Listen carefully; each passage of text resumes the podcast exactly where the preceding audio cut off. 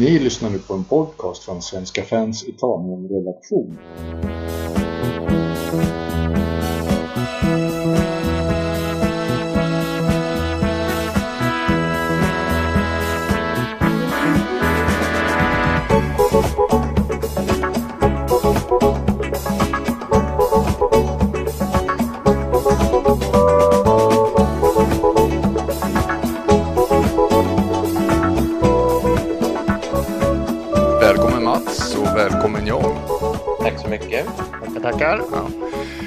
Vi ska alltså snacka upp eh, eh, Champions League-matchen mellan eh, Monaco och Juventus nu på onsdag. Det är då därför vi har kallat in John för den franska fotbollen och Mats för Juventus.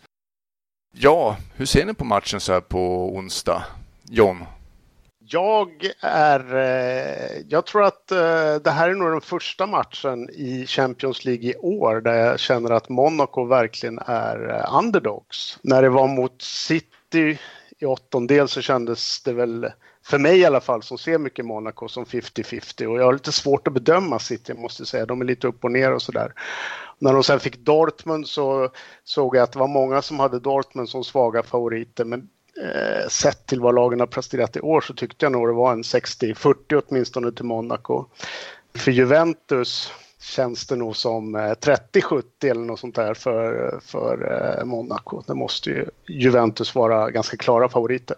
Ja, håller du med Mats? Ja, alltså, ja, jag tycker att Juventus ska ses som, ska ses som favoriter och framförallt i Juventus spelar det spelare som har, som har varit med på den nivån, alltså som spelade Champions League-final för två år sedan. Det finns en rutin, det finns en vana att spela matcher på den här nivån. Monaco är ju nästan ett ungdomslag eh, i jämförelse och, och det, det låter trist men, men det tror jag spelar roll. Och sen tycker jag att de sakerna som Juventus är riktigt, riktigt bra på tenderar att vara sådana saker som avgör vilka som, som vinner de här största matcherna. Det är välorganiserat, det är liksom positionsspelet sitter och så vidare. Det är ganska få misstag och så vidare. Monaco det är ett glatt och härligt gäng som, som öser på och det är ju grymt kul att se på dem. Eh, åtminstone de matcherna jag har tittat på, den här svängmatchen mot Manchester City var ju, hände ju hur mycket som helst. Men på förhand tycker jag att, tycker att Juventus ska vara favorit. Det tycker nog Det ska, det ska de ju, även om City, den första City-matchen var ju på inget sätt typisk eh, för, för hur Monaco spelar fotboll. Jag menar, det var väldigt svängigt, men den var ju extrem åt båda Ja, hållen, för båda lagen. Men, men visst, jag håller med. Det är, det är ju svängigare än Juventus. Det kan vara en del djupa dalar. Var det för- försvarsmässigt. Ja, var det för att City fick, eh, hade lite underskattning helt enkelt eller? Jag tror att, ja, sen tror jag att Monaco eh, fick någon slags eh, blodvittring när det gick bra och glömde bort vilka de var lite och bara öste på lite mer än vad de brukar eh, och gick bort sig totalt. Sen löste det sig ändå med, tack vare den här härliga bortamålsregeln. Ja, ja den har ju diskuterats många gånger, men eh, den är väl ganska bra egentligen tycker man. Eller Ja. ja. För jag tänkte med den där med känslan som Monaco hade då under spelet. Det fortsatte ju mot Dortmund också. Nu fick de ju lite eh, extra hjälp där. Ja, det, var en, det blev en konstig match. Jag tycker, jag tycker, jag tycker båda matcherna är rätt svåra att prata om. Eh, den första matchen är ju, där spelade ju Dortmund bara fotboll igen i den andra halvleken. Den första var de ju rätt skakade och, och, och- Monaco eh, ja, kom inte upp i någon slags nivå heller. Så jag, jag tycker egentligen att eh, första matchen är svårbedömd. Liksom. Andra matchen spökade det väl lite också, den- här bombexplosionen. Eh, Men det var väl inget snack om att, att eh, Monaco var det bättre laget, tycker jag. Ja, apropå vad bättre i laget, det var väl inget snack heller mellan Juventus och Barcelona? Eller vad säger du Mats? Nej, det var rakt inget snack. Det var ju, Juventus sk- skulle ju kanske snarare ha vunnit det dub- dubbelmötet lite större. Men däremot, för jag skulle också vilja kommentera den här Monaco-Dortmund-matchen som är så himla svår. Och där jag någonstans kan känna, eh, oavsett vad man fattar för beslut, ska man spela, ska man inte spela, ska man skjuta upp, ska man... Ja, eh, jag tycker ändå någonstans att köra the show must go on på en sån grej. Och sen, sen blir det naturligtvis, det blir inte helt rättvisa förutsättningar men jag tyckte ändå att det var, att det var rätt beslut. Så. Eh, Juventus resa fram till semifinalen har ju blivit lite, alltså de mötte ju först Porto och det, det såg jag som en ändå en rätt så svår match men, men eh, Porto spelade ju huvuddelen av tiden med tio man i, i båda matcherna så att det blev ju som ingen riktig, det blev ingen riktig match. Liksom. Nej. Ingen uh, riktig värdemätare där. Nej, det, Juventus var väl lite, lite bättre på förhand också tycker jag, tycker jag. men, men uh, Porto spelade ju bort sig själva från chansen, framförallt den här idiotutvisningen som de tog i första halvlek i första matchen. Eh, men sen mot Barcelona så visade ju Juventus, Juventus var ju klart bättre än, än Barcelona egentligen i båda matcherna skulle jag, skulle jag säga. Om någon skulle, något lag skulle ha vunnit den andra matchen var det väl egentligen Juventus. Och sen brukar man ju säga, det kommer väl egentligen från amerikansk fotboll, men, men stämmer ganska bra överens på fotboll med rundboll också, det här med att anfall, anfall säljer biljetter och försvar vinner titlar. Mm. Tittar man på hur lagen har tagit sig till semifinal så har Juventus gjort det med 3-0, alltså med 6-0 och, och Monaco har spelat 12-9 tror jag. Och, ja, jag, tror, jag tror att det finns någonting man kan läsa ut ur de siffrorna ändå. Ja, säkerligen. Ja. Jag tänkte på just när Erik Niva sa efter matchen, kommer jag ihåg, att eh, Barcelona kunde hålla på 90 minuter till och försöka göra mål. De hade i alla fall inte fått in bollen. Det var ju lite sån känsla i den matchen. Ja, nu, nu tror jag att Barcelona är kanske inte riktigt på den nivån som de var då för, för två år sedan och kanske ännu bättre då för fyra, fem år sedan. Men, men det såg väldigt, väldigt stabilt ut. Nu tror jag att Juventus kanske har lite svårare att försvara mot ett Monaco som spelar, spelar då kanske lite mera i djupled. Så. Mm. Men äh, men jag tycker Juventus försvarsspel börjar ju sitta och det har framförallt sett bättre och bättre ut ju längre säsongen har gått. Så nej, jag tycker det ser bra ut. Om Dani Alves inte gör några, någon total blunder, då, då ser det bra ut. Ja. Monaco har, har rätt bra yttrar så att han, han, får se upp. Ja, det var det jag tänkte. Monaco, hur känns det där så, så sätt när du har sett Monaco nu? De vann ju mot Toulouse var hemma med 3-1. Ja, de gick lite på halvfart där och släppte in eh, 0-1 mål eh, ganska klumpigt. Eh, Ola Toivonen gjorde det av alla människor. Ja. Eh, och, och så var det bara som att de tryckte på en knapp och dunkade in tre mål och sen så slutade de igen och vila upp sig för Juventus. Så att eh, just, just Toulouse var väl inte någon riktig, eller det såg, det såg bra ut alltså. Och de ställde upp med ett nästan ordinarie, ordinarie lag i helgen här, eh, Monaco. Vilket de inte gjorde i kuppen. De hade även en, eh, en nationell cupsemifinal här i förra veckan där det blev mycket kritik för att de skickade ett, eh, det var faktiskt ett C-lag till eh, semifinal i Franska cupen mot PSG. Ja. Eh, och det blev de rätt hårt... i förväg också. Ja, absolut, absolut. Men det, blev, det, blev inte mindre... Det blev inte mindre snack efter att de föll med 0-5. Liksom det, det, sådär. Men, så att allt detta för att säga att eh, de har haft en ganska lugn vecka och eh, Toulouse-matchen eh, började de dåligt och, och, slutade på halvfart men de la i en växel där i 25-30 minuter och gjorde tre mål. Ja, Juventus hade ju ganska bra preparerat. Jag menar, de hade ju genom och Atalanta ganska offensiva lag. Det var ganska perfekt. Ja, Genoa-matchen blev inte mycket till match. Det var det ju inte det. Ja, Juventus helt överlägsna. Men Atalanta-matchen, det var ju en riktigt, riktigt, riktigt bra match. Och Juventus roterade ju inte speciellt mycket. De spelade i allt väsentligt med det lag som kommer att spela nu på onsdag. Eh, och jag tror att Allegri vill hålla spelarna liksom så på, på tårna. Sen är det ju bara sex, sex dagar mellan, mellan matcherna så att jag tror att de som spelar nästa helg, det lär ju bli, då lär det roteras ganska mycket trots att det är derby mot Torino. Mm. Men, eh, men matchen mot Atalanta, det var en, det var en jättebra match mot ett, mot ett, ett bra lag. Atalanta har varit bra båda matcherna. De gör ju en otroligt bra säsong för övrigt. Men det, det, är också, den här matchen är ju inte första gången de har mött varandra, Juventus och Monaco. Sist var ju två år sedan. Hur... Ja, det var, ett rikt, det var ett riktigt sömnpiller här 2015 blir det väl, ja precis. 0-0-1-0, eller hur var det Mats?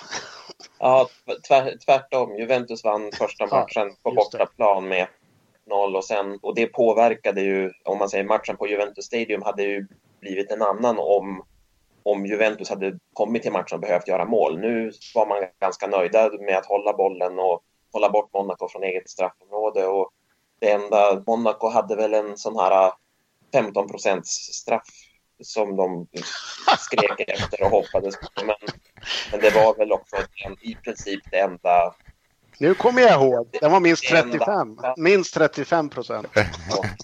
vi, kan köra på 35.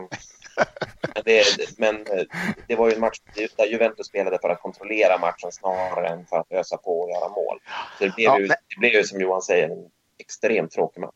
Ja, och det, men äh, precis, och det var väl inget snack, det, det, ska man inte säga. Det är ett helt annat Monaco nu, två år senare, men det är kanske inte ett helt annat Juventus. Och känslan Monaco för två år sedan var ju också att det var ett väldigt defensivt orienterat lag som framförallt tog sig fram på ett ganska bra försvar. Och nu har man ju ett lag som öser in mål i en liga där man dessutom, där det dessutom historiskt brukar göra där man brukar göra ganska lite mål. Så det är ja. en fascinerande förändring. Ja. Men, men, men det, det, är ett, det är ett litet paradoxalt lag, eh, Monaco, men vi kanske kommer in på det därför att de, de gör ju mest eller näst mest mål i Europa, eh, men är ju samtidigt väldigt bekväma i att spela utan boll långa, långa stunder. Så det är ju inget, det är inget, det är ingen Barcelona-kopia vi ser eller någonting i Monaco, utan det är ju, de gör ju sina mål på snabba omställningar och Eh, fasta situationer. Så att, eh, vi får se, ja, är det om, tack någon, vare... om det är någon som vill ha bollen. Ja, de har lärt sig det, tränaren nu. Vad heter Chardim. han? Ja. Chardim. Ja. Han har verkligen satt i prägel att eh, spela utan boll. Det var ju han, det var ju han även för, redan för två år sedan och han, han eh, om vi ska gå in lite på hur, hur, hur Monaco har sett ut och så, så har han ju fått väldigt lång tid på sig att, eller han är inne på sitt tredje år nu, men han har ju fått tid på sig att bygga upp laget eh, och eh, ska säga, ledningen accepterade det här tråkiga 2014-15 Monaco eh, i någon slags längre med blicken mot horisonten att det skulle bli någonting annat eh, längre fram. Eh, och nu är man ju eh, talangmässigt lite mer, mer framtung än vad man var 2014-15. Det är man ju absolut. Ja, utvecklingen har ju skett ganska rejält här på några år, för det var inte länge sedan de var nere i Ligue Ligue De rasade ur ligan och eh, Eh, var ju faktiskt på väg att rasa ur Ligue 2. De eh, låg ju sist här vid julen, vad kan det vara? 2011 måste det ha varit, var julen. När de eh, tappade allt pengar och eh, spelare och eh, hade eh, heter han, Simone som tränare, gamla italienare och gammal Monaco-spelare. Eh, och var ju på väg att försvinna från proffsfotbollen när eh, en rysk herre klev in med en herrans massa pengar och eh, köpte majoriteten i klubben ska jag säga. Han har väl bara två tredjedelar av klubben. Rybolovlev hette han. Mm. Just då gick ju snacket om att han bara köpte klubben för att han just höll på att genomgå världens dyraste skilsmässa. Eh, för att han behövde få ut pengar ur, ur landet. Men eh, han har ju visat sig vara en ganska seriös ägare så här långt i alla fall. Mm.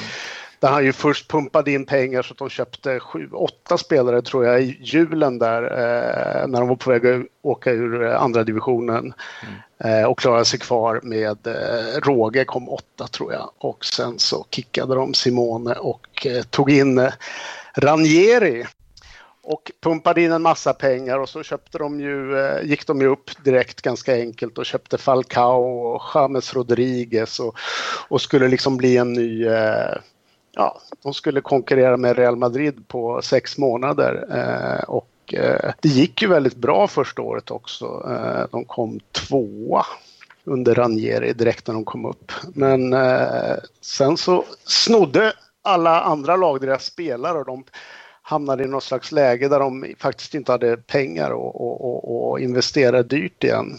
Så då fick de ju, om vi ska dra hela storyn, så fick de ju någon slags geni eh, idé och eh, deras... Eh, han var både sportchef, eh, speciell eh, rådgivare till presidenten och allt möjligt. En portugis som heter Luis Campos som tidigare har varit eh, eh assistent och scout åt eh, José Mourinho som de hade som någon slags allt i allo sportchef eh, där som eh, liksom implementerade hela Porto-idén liksom i Monaco och fick den att få genomslag på kanske ett år bara. Alltså att, eh, ska vi säga, leta rätt på väldigt talangfulla eh, spelare i mitten av tonåren, kanske 14, 15, 16-åringar och köpa dem ganska dyrt men att ha ett så pass bra öga så att man känner sig ganska bekväm med att man kan sälja dem mångfalt dyrare senare. Mm. Så det är det som är Monacos idé nu. Till skillnad från för tre, fyra år sedan när man då köpte Falcao och James och mm. de här väldigt, väldigt dyrt. Nu är ju snarare idén att man ska sälja två, tre spelare väldigt, väldigt dyrt varje år. Mm. Men, Man får ju säga att det är, ju, det är ju lättare att tycka om en klubb som, som någonstans har en långsiktig och ekonomiskt hållbar strategi snarare än, än det, den klubb som det var då för tre, fyra år sedan som bara köpte det som var dyrast som gick att komma över. I princip ja. den här pappa betalar-attityden som fanns då.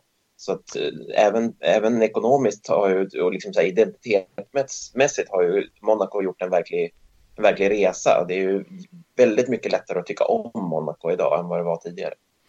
Men det är väl inte det, riktigt det är liksom, så i Frankrike? Nej, det är det väl inte. Men det, men det, det, det är... Um, det är också nästan svårt att förstå hur kort tid som har gått. Alltså, vi pratar om tidsperiod på tre, fyra år där man går från fyra år då från en division 2-klubb till en klubb som satsar, eh, liksom får hybris och ska vinna Champions League direkt till en klubb som lägger sig och vill vara nya Porto i Europa. Liksom det, det, det, det, det är eh, imponerande och beundransvärt att man liksom lyckats, lyckats lägga sig på den nivån så snabbt och faktiskt lyckas nu. För det måste man ändå säga när man leder ligan överlägset och är i semifinal i Champions League. Mm. Men hur ser fransmännen, övriga Frankrike, på Monaco? Åh, det, är en, det är en lång historia. Monaco är ju som eh, de flesta vet eh, faktiskt egentligen inte en del av Frankrike eh, och många vet också att det är ett skatteparadis. Eh, vilket ju gör att övriga fotbollsfrankrikes relation till Monaco är ju lite svängig och ganska eh, olika, lite beroende på hur det går för laget. Eh, men man kan ju jämföra själv om vi skulle tänka oss att Åland var ett skatteparadis och att ett Stockholmslag flyttade dit och helt plötsligt fick ut dubbelt så mycket pengar för varje satsad krona jämfört med motståndarna i allsvenskan. Så skulle man ju kunna tänka sig att övriga allsvenska klubbar skulle protestera och det är lite så det är i Monaco. Det är en väldig, eh, om man har försökt att liksom balansera upp det här genom att eh, tvinga Monaco att betala någon slags straffavgift och så där eftersom de har så låga personalkostnader kan man säga, eller personalavgifter. Eh, det här drevs ju till sin spets här för eh, precis när de gjorde sin storsatsning här och köpte Falcao och, och kompani. När Frankrike införde eh, en, ska säga, en höginkomstskatt på 75 procent, vilket gjorde att Zlatan kostade, jag kommer inte ihåg siffrorna nu, men kan tänka dig när eh, nästan ingen skatt och 75 procent på intjänad lön vad, vad klubben får betala för att för Zlatan eh, ja. jämfört med vad Falcao liksom kostade i, i Monaco. Och då blev det ett väldigt liv och Monaco, det bestämdes att Monaco skulle betala en straffavgift som eh, diskuteras kring 50 miljoner till 150 till 200 miljoner euro per år liksom för, att, för att få vara med. Okej, det är inte klart eh. än utan det är, de betalar inte? Jo, alltså, Nej, det, den, eh, det bestämdes att de skulle betala, jag tror att summan slutade på 50 miljoner euro per år. Men den, det beslutet som togs liksom i fotbollsinstanser visade sig på något sätt inte riktigt vara lagligt så att det, det har dragits tillbaka. Oh, ja. Så, ja, så, men så är det. Men det finns ju en enkel lösning på det här tycker jag och ganska många med mig och det, det vore ju faktiskt att tvinga Monaco att om de vill spela i Frankrike så får de helt enkelt flytta sitt huvudkontor 500 meter åt något håll. Så att det ligger ja. på fransk mark. Borde inte vara så Men det vill de inte. Monaco är som bekant väldigt litet. Ja, det går fort att åka igenom. Det är väl också så att just det här att, ja, då har du då så att säga, den problematik som finns kring Monaco som skatteparadis. Men sen det var väl Platini som när man diskuterade fair, vad heter det, financial fair play som pratade om det problematiska i att en rysk klubb och en katarisk klubb gör upp om ligatiteln i Frankrike. Eh, och just det här, de här stormrika finansiärerna som placerar sina klubbar liksom så ett, ett ekonomiskt universum ifrån alla andra klubbar är ju problematiskt i sig, i sig självt. Och den, ja. den problematiken finns ju i, i, många, i många ligor men, men den kanske blev extra tydlig i Frankrike. Så är det ju. Fast det är ju en, det är lite annan fråga. Eh, eh, det ena är ju någon slags skatt. för varje satsad krona får Monaco dubbelt så mycket som, som PSG mm. till exempel. Eh, om, om de inte är väldigt kreativa i sin bokföring, vilket vissa är i och för sig. Men, men det, är en, det är en helt annan fråga också. Men visst är det så att en rik ryss och, en, en, en, att, och ett Qatarägt bolag liksom kan, kan dominera på det sättet medan, vad ska vi säga, ett mer hemvävt eh, Lyon eh, som liksom jobbar med helt andra medel eh, har lite svårare. Men nu är det ju faktiskt så att Nice och Lyon som nu ligger tre och fyra eh, har ganska stora kinesiska investerare. Lyon har precis fått in 100 miljoner euro från en, i år från en kinesisk investerare som det inte pratas mycket om. Det här är någonting du ser i, i Serie A också, eller ni ser i Serie A också. Ja, precis. Så är det ju. Eh, men jag tänkte också på det. Nice ligger ju väldigt nära Monaco. Ja. Eh, om de flyttar kontoret till Monaco, är det, inte en, en, det finns ingen möjlighet ens. Nej, det får de inte göra. Alltså, Monaco är ett furstendöme som är knutet till Frankrike och det här är ju liksom historiskt. Alltså, det är inte så att andra lag kan få flytta dit, men däremot så tycker man sig inte kunna tvinga Monaco att flytta flytta sitt huvudkontor till utanför gränsen. Liksom. Eh, nej, men Nice kan inte flytta till, till Monaco. Nej, då får de, eh, det här är ju lite som, det är, det, det är ju lite som att det är walesiska lag i engelska ligan. Det, det handlar ju mer om historia och traditionen än eh, en, eh, ska säga, någon slags millimeterrättvisa sådär. Men, men en flytt åt, ett, åt andra hållet skulle inte godkännas. Ja, jo, det är klart. Ja, men om man går till matchen då. Om vi skulle ta fram eh, tre punkter som är nyckelmoment i matchen på onsdag. Vad skulle du säga Mats då eh, för Juventus del? Ja, alltså jag skulle säga att jag tror att om Juventus inte gör inte gör några större misstag så jag, jag, tror att den här typen av matcher avgörs ju ofta på, på enskilda misstag eller något något underverk som någon spelare lyckas få på. Men det är, ju, det är ofta på misstagsbiten som det, som det avgörs. Och på förhand så ska Juventus ha förutsättningar att göra färre och mindre grova misstag än, än Monaco. Och lever man upp till det, då, då har, man, har man bra chans. Mm. Så det, först, det får bli en sån tråk, tråkgrej av misstag. Det andra får bli fasta situationer där ju, jag är skitorolig varenda gång som motståndarlaget får en hörna Eh, jag tycker att Juventus, eh, jag har ingen statistik på det, men jag, känslan är att de har släppt in en väldigt stor andel av sina mål de senaste åren, har släppt in just på hörnor. Och den tredje, eh, den tredje pusselbiten, det får väl faktiskt bli Juventus mittfält i första matchen när man har Kedira avstängd.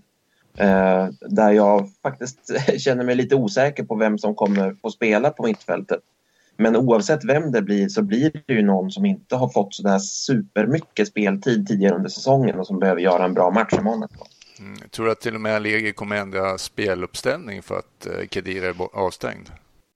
Nej, jag tror att han vill nog, han vill nog ha sina fyra, sina fyra försvarare och det även om jag är lite skeptisk till Daniel Alves, det måste jag säga. Jag, han känns som en som något av en risk. Det är ju en, en superspelare för all del, men kanske mer riskbenägen än, än de andra spelarna i Juventus.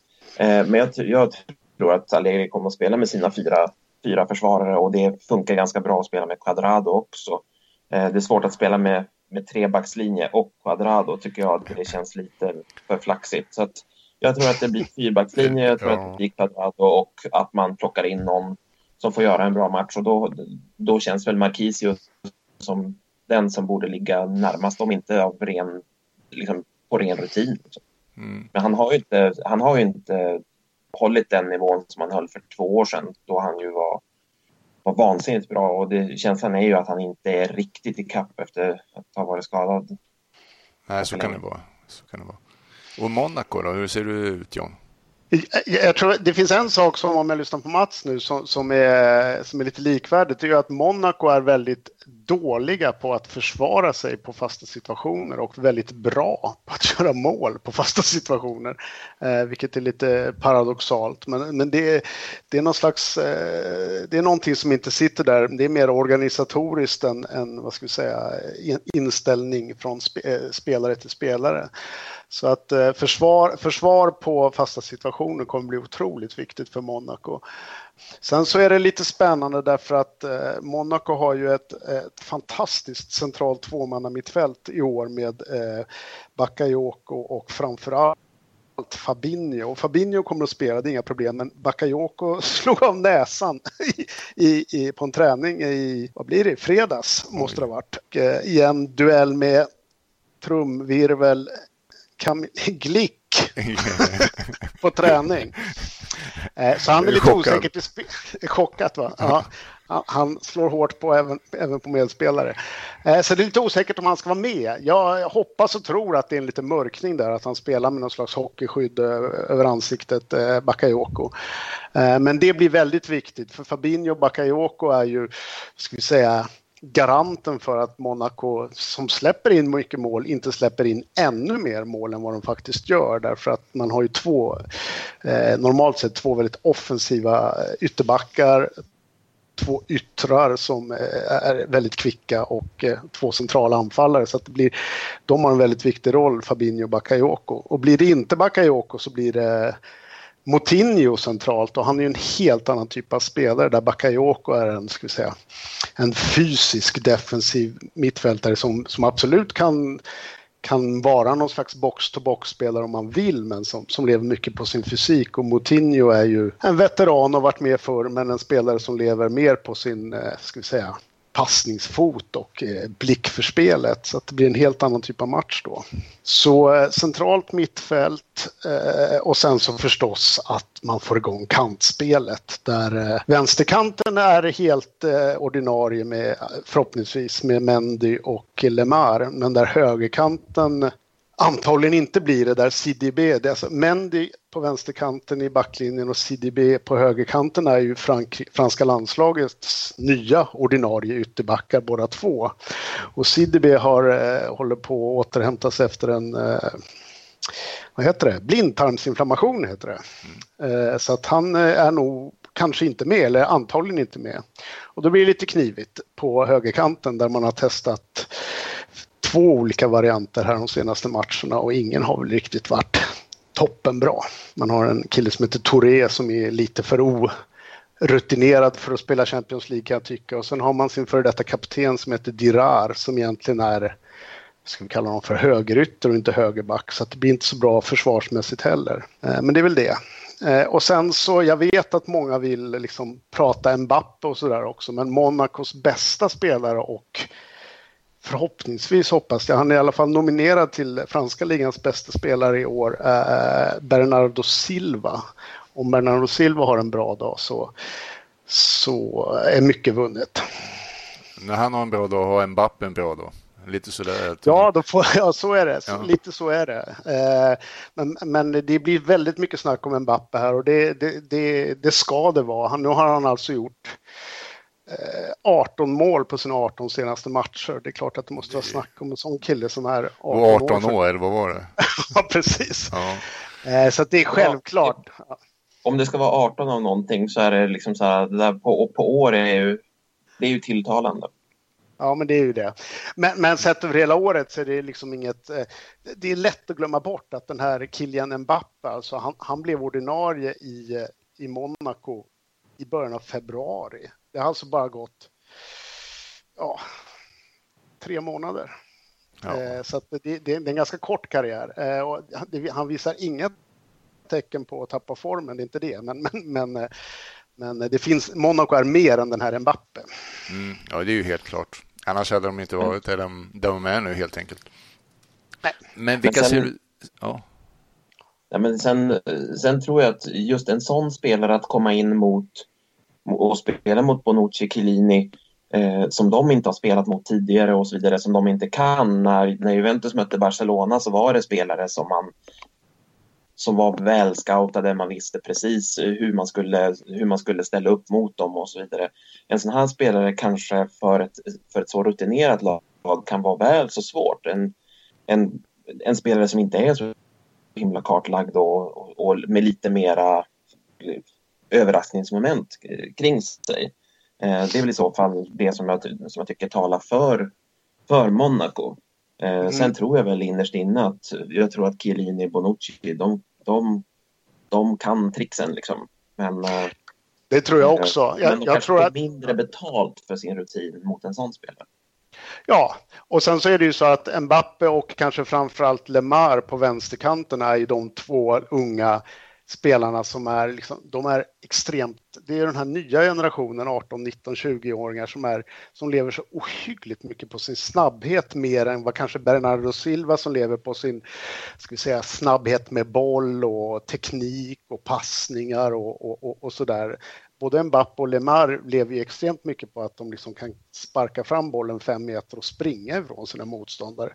Och det är väl eh, det är ju det som gör att de är ett så bra kontringslag också. Eh, så förhoppningsvis så, så får Monaco en hel del kontringar, eh, men fan trot mot Juventus. Nej, men eh, John, svagheter hos Juventus då? Vad tror du de kommer försöka utnyttja Monaco? Jag tror att, att eh, eh, det, det, går inte att prata om svaghet. När man ska prata om, eh, om Juventus försvar. Jag, jag, jag såg Sverige-Italien eh, i Toulouse i somras. Och blev nästan gråtfärdig av, eh, av det italienska försvarsspelet där. Så, så att det, alltså av glädje, det var ju så vackert. Så man, man blev man blev tårögd. Men är det någonting de inte är så är det väl vindsnabba. Eh, så jag tror ju att, att snabba omställningar och eh, löp, löpningar in bakom dem eh, är någonting som Monaco kommer satsa på. Sen är det en helt annan sak om man lyckas med det. Ja, det är en helt annan sak. och Mats, Monacos svagheter, vad tror du Allegri kommer utnyttja där? Eh, jag har sett dem för lite för att, för att kunna säga någonting om det. Men, men om man säger matchbilden mot Barcelona, det var ju att man visste på förhand att Barcelona kommer vilja ha bollen hela tiden och de kommer ligga högt upp med laget och Juventus kan anfalla med få passningar och försöka anfalla via omställningar. I den här matchen så tror jag faktiskt kanske att Juventus kommer ha bollen mest och i grunden är Juventus ett lag som vill, vill ha bollen även om de är flexibla och kan spela på många olika sätt så är det ju i grund och botten ett lag som, som gärna har bollen och för, och för, för spelet. Eh, sen har de ju varit bra på att inte dra på sig, de släpper inte in speciellt mycket, mycket omställningsmål. Eh, men men, men vad, vad, vad Monaco har för, har för riktiga svagheter, jag tror att det är att det är frågan om rutin, frågan om att göra misstag. Det är, det är mer de delarna där tror jag, som jag tror i slutändan kommer bli avgörande än att, än att Monaco är liksom tekniskt eller taktiskt liksom dåliga på någonting och att, och att Juventus triumferar på grund av, på grund av det. Men sen, sen tror jag, i, det skrev jag om på Svenska fans också, att i just det här mötet tror jag att det spelar ganska stor roll i vilken ordning matcherna spelas också. Kan Juventus resa iväg från Monaco med ett, med ett anständigt resultat så tror jag att det kommer att vara väldigt, väldigt hårt tryck på Juventus Stadium och, och Juventus-spelarna, liksom både spelare och publik och hela arenan tror ju verkligen att de kan vinna på hemmaplan varenda gång. De har ju en bapiljon eh, hemmasegrar i följd. Nu håller jag inte reda på hur många det är, 32 eller vad det är mm. i ligaspelet och så här. Och, eh, ja, jag, jag, tror att Juventus kan göra det resultat som de behöver göra på hemmaplan. Så att jag, jag tror inte att, att det är Monaco, det är den första matchen som kommer att avgöra det här dubbelmötet. Ja, det tror jag är riktigt. Det tror jag också är riktigt. Och, och jag tror också att det är, eh, jag tror att Monaco behöver vinna hemma. För att ett, ett Monaco som, som kan inleda en match och, och, och liksom i försvarsuppställning och gå på snabba omställningar är ett bättre Monaco. Äh, I returen då är ett bättre Monaco. Sen tror jag att det är helt mm. riktigt. Så är det någonting Monaco liksom faller på i, även i ligaspelet i Frankrike så är det ju att, att eh, både Jemerson och Glick liksom har Eh, är väldigt bra i 87 minuter, men de har liksom två, tre minuter varje match där, det liksom, där, eh, där, där, där de tappar koncentrationen och placeringen och sådär också. Det, och det är, väl det, det är väl en av de här pusselbitarna som inte riktigt sitter i, i, i, i Monaco än så länge. Det är därför Bakayoko och Fabinho som är framför är så otroligt viktiga för att de, eh, de gör ett, ett jättejobb liksom som ska vi säga, extra mittbackar i, i försvarsläge. Mm. Jag tror att min, min analys är att Juventus kommer att göra ett mål under de här två matcherna på ett misstag från Monaco och de kommer att göra ett mål som de gör på ren, ren egen kvalitet. Och jag tror inte att Monaco gör två mål på Juventus. Då har du sett mm. båda min, matcherna. Min väldigt enkla analys. ja. ja. jag förstår. Men äh, ska vi säga alla lag gör minst ett mål på Monaco, men Monaco gör ju alltid tre. Ja, de gör ju alltid tre. ja, så hur slutar matchen på onsdag då, Mats? Då säger jag väl att alltså, Juventus kommer att göra mål. Eh, och det tror jag kanske att Monaco också gör. Så att 1-1 på, på onsdag och sen så får, får Juventus spela på det i, i Turin. Det tycker jag låter låter tilltalande och realistiskt. John? Ja, jag vill säga 3-2, men jag, jag, tror inte det. 3-2 till Monaco antar jag då? Ja, hade det varit, hade det, ja, precis. Hade det varit Atletico Madrid så hade jag sagt 3-2. Men, men nu säger jag att det blir 2-1 eh, till Monaco. Oj, alltså du trodde tajtare på Atletico? Alltså mer offensivt? Jag trodde på fler mål. Ja, precis, precis. Ja, ja Ja, jag får tacka. Får vi se hur det går på onsdag och eh, får önska lycka till till Mats. Till John vet jag inte. ja, du kan önska lycka till. Vi ja, behöver alla, alla, behöver alla, alla framgångar ni kan få. Alla, alla Uefa-poäng vi kan ha. Ja, det är bra. För övrigt så ligger Frankrike trea i Uefa-rankingen 2016-17. Det är ni. Oj, för Italien. Det är roligt, men nu har de ju bestämt att den där Uefa-rankingen den ska ju gälla i flera år framöver. Den ranking som jag vet, jag vet. Jag ville bara få in det. Ja, jag, jag tycker att det var ett förfärligt beslut, men nåväl. Men all, all heder och pluspoäng till Frankrike. Hoppas att ja, de nu, får någon nytta av dem tids nog. Ja, det är nog, ja, precis. Det kommer dröja innan de får nytta av dem. Ja. ja, jag får tacka er. Det var en trevlig påstånd och eh, ja, vi hörs. Tack så mycket. Ja, tackar. Tack, tack. Hej.